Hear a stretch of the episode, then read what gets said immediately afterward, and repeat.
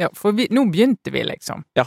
Ja, nettopp. Jeg bare, jeg bare kjørte rett i gang. jeg. må Premisset klart, vet du. Ja, det ja, dette Søren, altså. Jeg burde ikke gjort dette foran sjefen. Ja. Nei, men Ja, men- vi kjør på. Jeg var det noe å glede seg over. Da er vi i gang med intervjuet. Da er vi i gang. Ok. 2023 har vært et langt år. Og ja, vi skal komme tilbake til all krigen og elendigheten, men det har jo ikke bare vært det. For selv om det er noen få saker som nok sitter igjen hos de aller fleste, så har det skjedd enormt mye annet òg. Så i dag skal jeg rett og slett ta en liten gjennomgang med sjefen min, den tilsynelatende allvitende Trine Eilertsen, sjefredaktør i Aftenposten. Ja, litt må du få med deg når du leder en avis. Du hører på Forklart fra Aftenposten, hvor vi vanligvis tar for oss én nyhet i hver episode. I dag mange nyheter fra 2023. Også en del vi tror du kan ha glemt.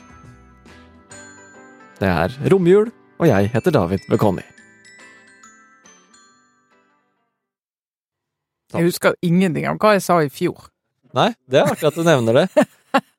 Ja, det er interessant, fordi vi tenkte vi kunne høre litt på Ja. det du sa i fjor. Ja, ja, det kan vi godt gjøre. Så kommer jeg til å bli overrasket.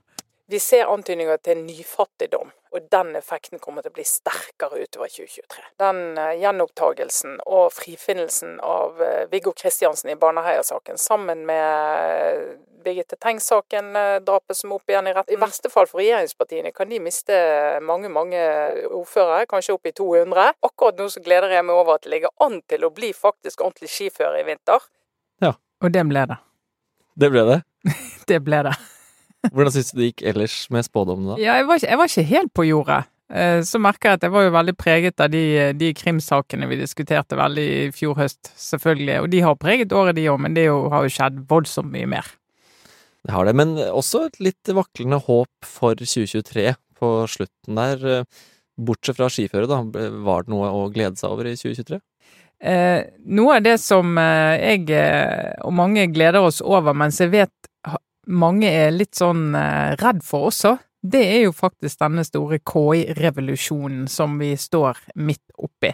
Den kommer jo til å revolusjonere måten mange av oss jobber på. Vi kommer til å kunne fjerne masse rutineoppgaver. Eh, Men noe av det aller viktigste er jo hva dette kan gjøre med medisin, altså en del av de viktige forskningsområdene eh, for å forutse hvordan, eh, hva type behandling folk skal ha, og det kommer til å hjelpe oss på områder som vi ikke aner rekkevidden av, mye, mye raskere enn vi trodde bare for et år siden. Det skal heller ikke stikkes under stol at mange har brukt KI til andre ting enn revolusjonerende effektivisering i 2023. KI David, the future of podcast. Nei, ikke det der igjen nå. Men det er jo ikke til å komme unna at dette året har handlet om mye mer enn spennende og til dels morsomme KI-nyheter. Says hundreds of thousands of Palestinians have fled northern Gaza for the south as Israel ordered, but they have no. Russia launched a wave of airstrikes on the Ukrainian city of Kiev early this morning, the largest. Ukraine is hoping weapons deliveries will help turn the tide in 2023. 2023 har vært preget av spesielt to store saker. Det er dessverre to store, alvorlige kriger. Den ene den startet i fjor, det var nemlig Ukraina og Russland. Og den andre den startet i oktober, 7. oktober, da Hamas angrep Israel, og som ble besvart med et kjempeangrep på Gaza, som ennå ikke er over. Eh, og de to, de to eh, krigene, de preger nyhetsbildet. Eh, og jeg merker òg at de, de preger folks eh, humør. Fordi at eh, folk skjønner at dette er mer alvorlig enn en eller annen fjern konflikt et eller annet sted som varer i noen uker. Begge deler er mer alvorlig. I skyggen av to kriger har det også skjedd mye annet. Vi har hatt veldig høy prisvekst, strømprisene var helt ko-ko i fjor vinter, og det er generelt blitt veldig mye trangere økonomisk for de aller fleste. Ordet dyrtid I dyrtid. Og dyrtid. Dyrtiden. dyrtid har kommet inn i manges vokabular. Det har også preget politikken, hvor året startet trått for enkelte, og ble enda tråere. Ja, Arbeiderpartiet har jo fått det lodd i livet å sitte i regjering når alt dette skjer. Mye av dette kan ikke de gjøre noe med, men det rammer jo de som sitter i regjering når prisene øker sånn som de gjør, når renten øker sånn som man gjør. Eh, Så når vi kom inn eh, og begynte å nærme oss eh, landsmøtesesongen i vår, og alle partiene skulle lage program og vedta program før valget, så ble det jo da i Arbeiderpartiet litt nestlederstrid og krangel om hvorfor det går så dårlig, og ja. Så de, våren ble preget av det. Eh, og når landsmøtet var slutt, så var Støre så glad at han danset på bordet og trodde det skulle bli en fin vei inn mot valget. Det ble det ikke. Nei, for da kom eh, sommeren, og der, eh, der har det vært en del habilitetssaker. Da har det vært habilitetssaker, og hvis du skal si noe positivt som har skjedd i år, så er det jo at eh, vi i mediene har fortsatt jobben vår med å ettergå eh, politikerne, hvordan de utøver eh, embetene sine og tilliten de får. Eh, Og Tonje Brenna, Anette Trettebergstuen, Ola Borten Moe, Anniken Huitfeldt. I løpet av noen måneder så kom det frem at de hadde rotet med habilitet, eh, aksjer, eh, venner, relasjoner, som gjorde at tre av fire faktisk ikke lenger var statsråd da vi kom til slutten av året.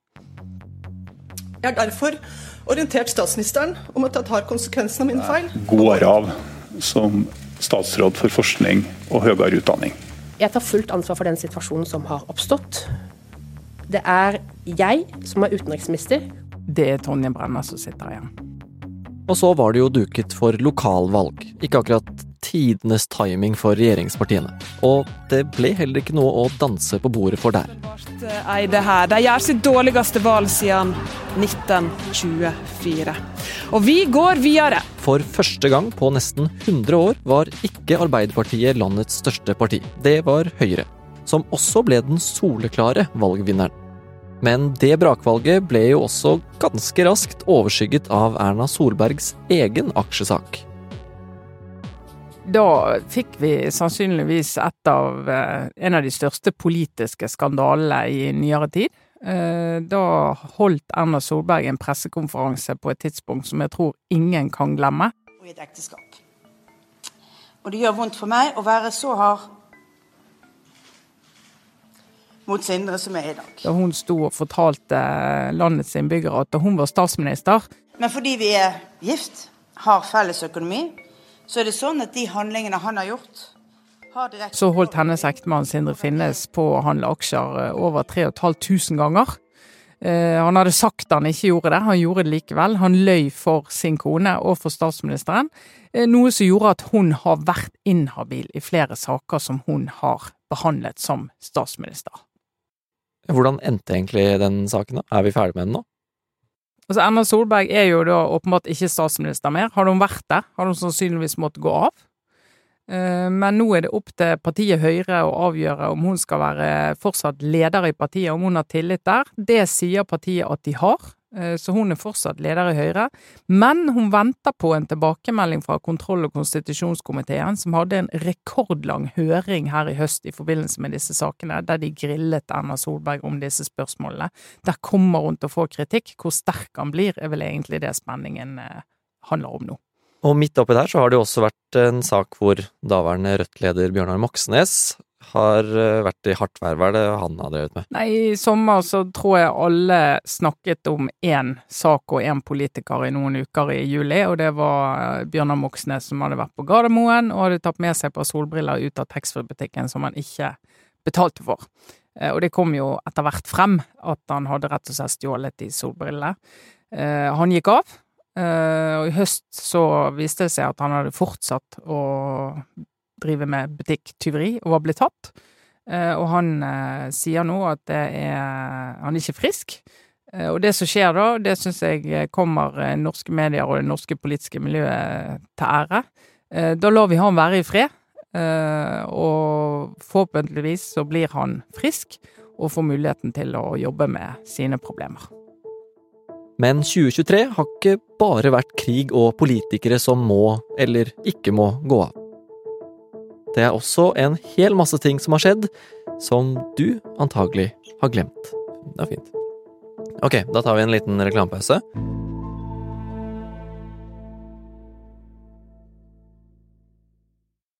Det føles som en evighet siden nå, men 2023 startet faktisk med fortsettelsen av en lang saga.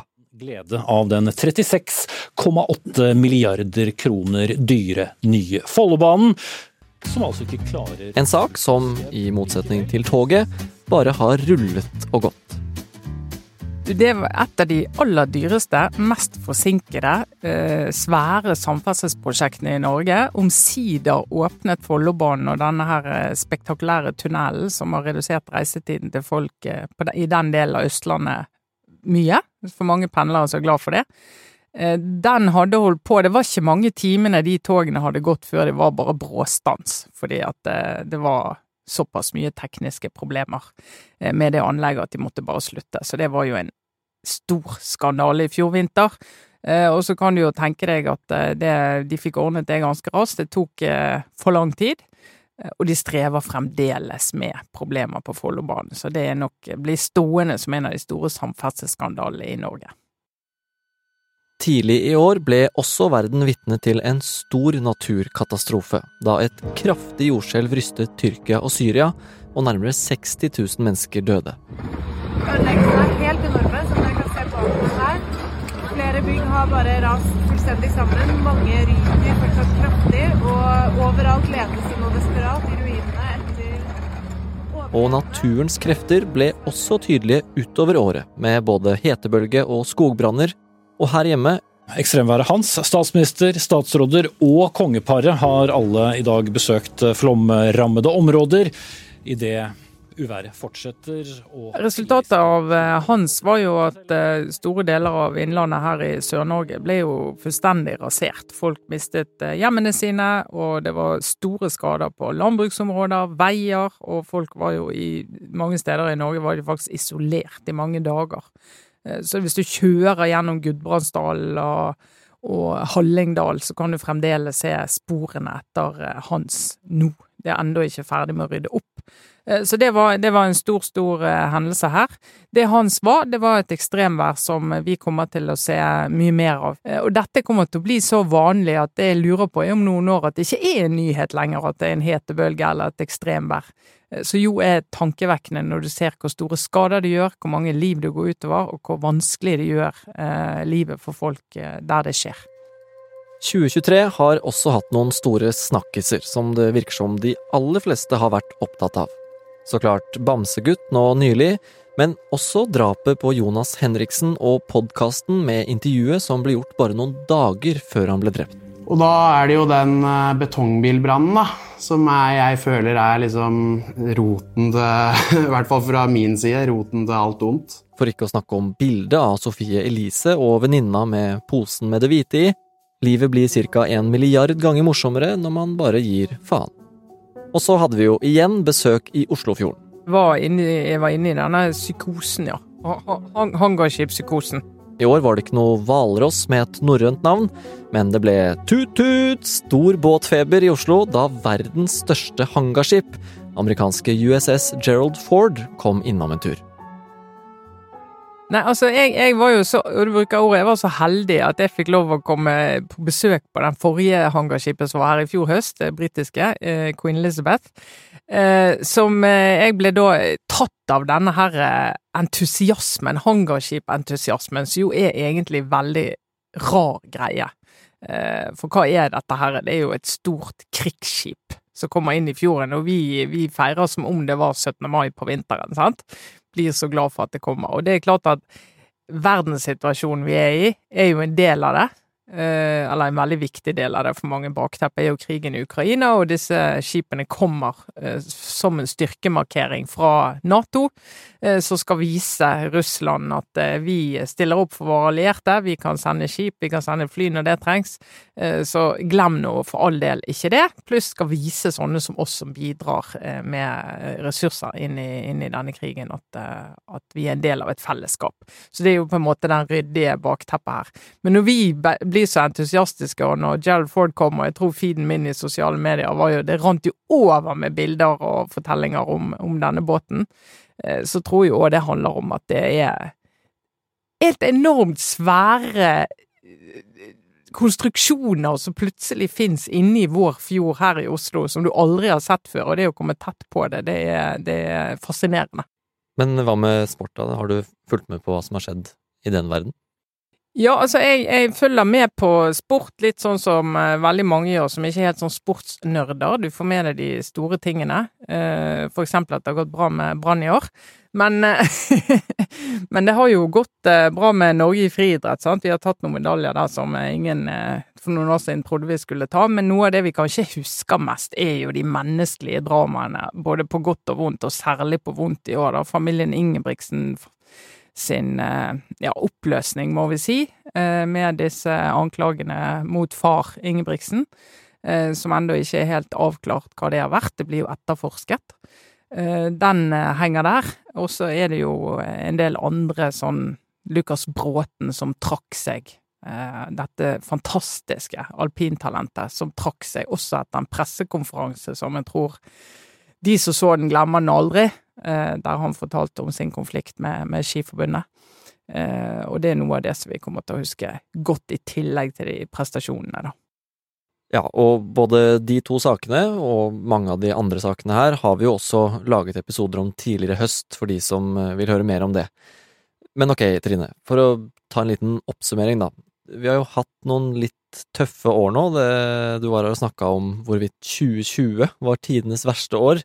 Eh, men det har jo skjedd mye siden da òg. Eh, hvordan vil du rate det året her? Nei, altså vi har, jo, vi har, jo, snakket litt om det før, at du blir veldig preget av det som eh, du nettopp har opplevd. Eh, og etter 2020 tror jeg vi har hatt flere år som for mange har vært mye verre enn pandemiåret var. Eh, vi snakker om krig, vi snakker om at du har ikke råd til basale ting, eh, et hverdagsmenneske. Vi har eh, usikkerhet som folk ikke har kjent på eh, før. Men så er det jo sånn at uansett hvor grusomt det er, og det merker i hvert fall jeg i min, eh, min uh, omgangskrets, uh, så får folk et sånn veldig behov for da å, å, løfte opp det som faktisk er bra. Og hvis vi, selv om vi må helt inn på det private i vårt eget personlige liv Har du fått et barn? Har du feiret en stor dag? Har du gjort noe kjempefint sammen med vennene dine? Altså Sånne ting tror jeg faktisk at vi blir enda bedre i stand til å sette pris på når verden rundt oss er sånn som man er. Jeg håper i hvert fall det.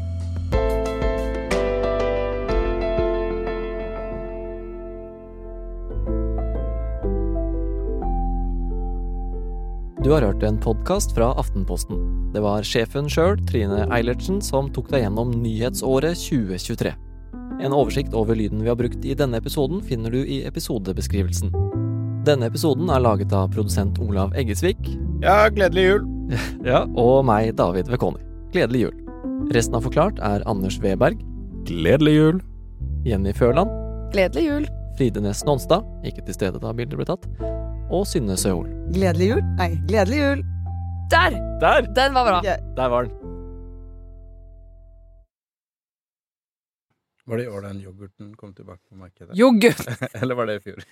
Han forsvant jo, det var jo negativt. Så kom han tilbake, så nå er vi tilbake til Nå har vi gått i null. Hvilken yoghurt var det? Multiyoghurt. Å oh, ja. Oh, ja. Multiyoghurt. ja. Veldig viktig. Den er, den er god, den.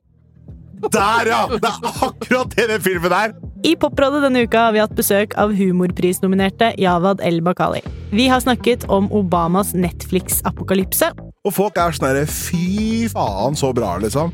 Herregud. Hvordan Norge ser ut gjennom en klein amerikansk julefilm. Jeg må bare si jeg blir så skjermflau av å se på det der at jeg ikke orker. altså.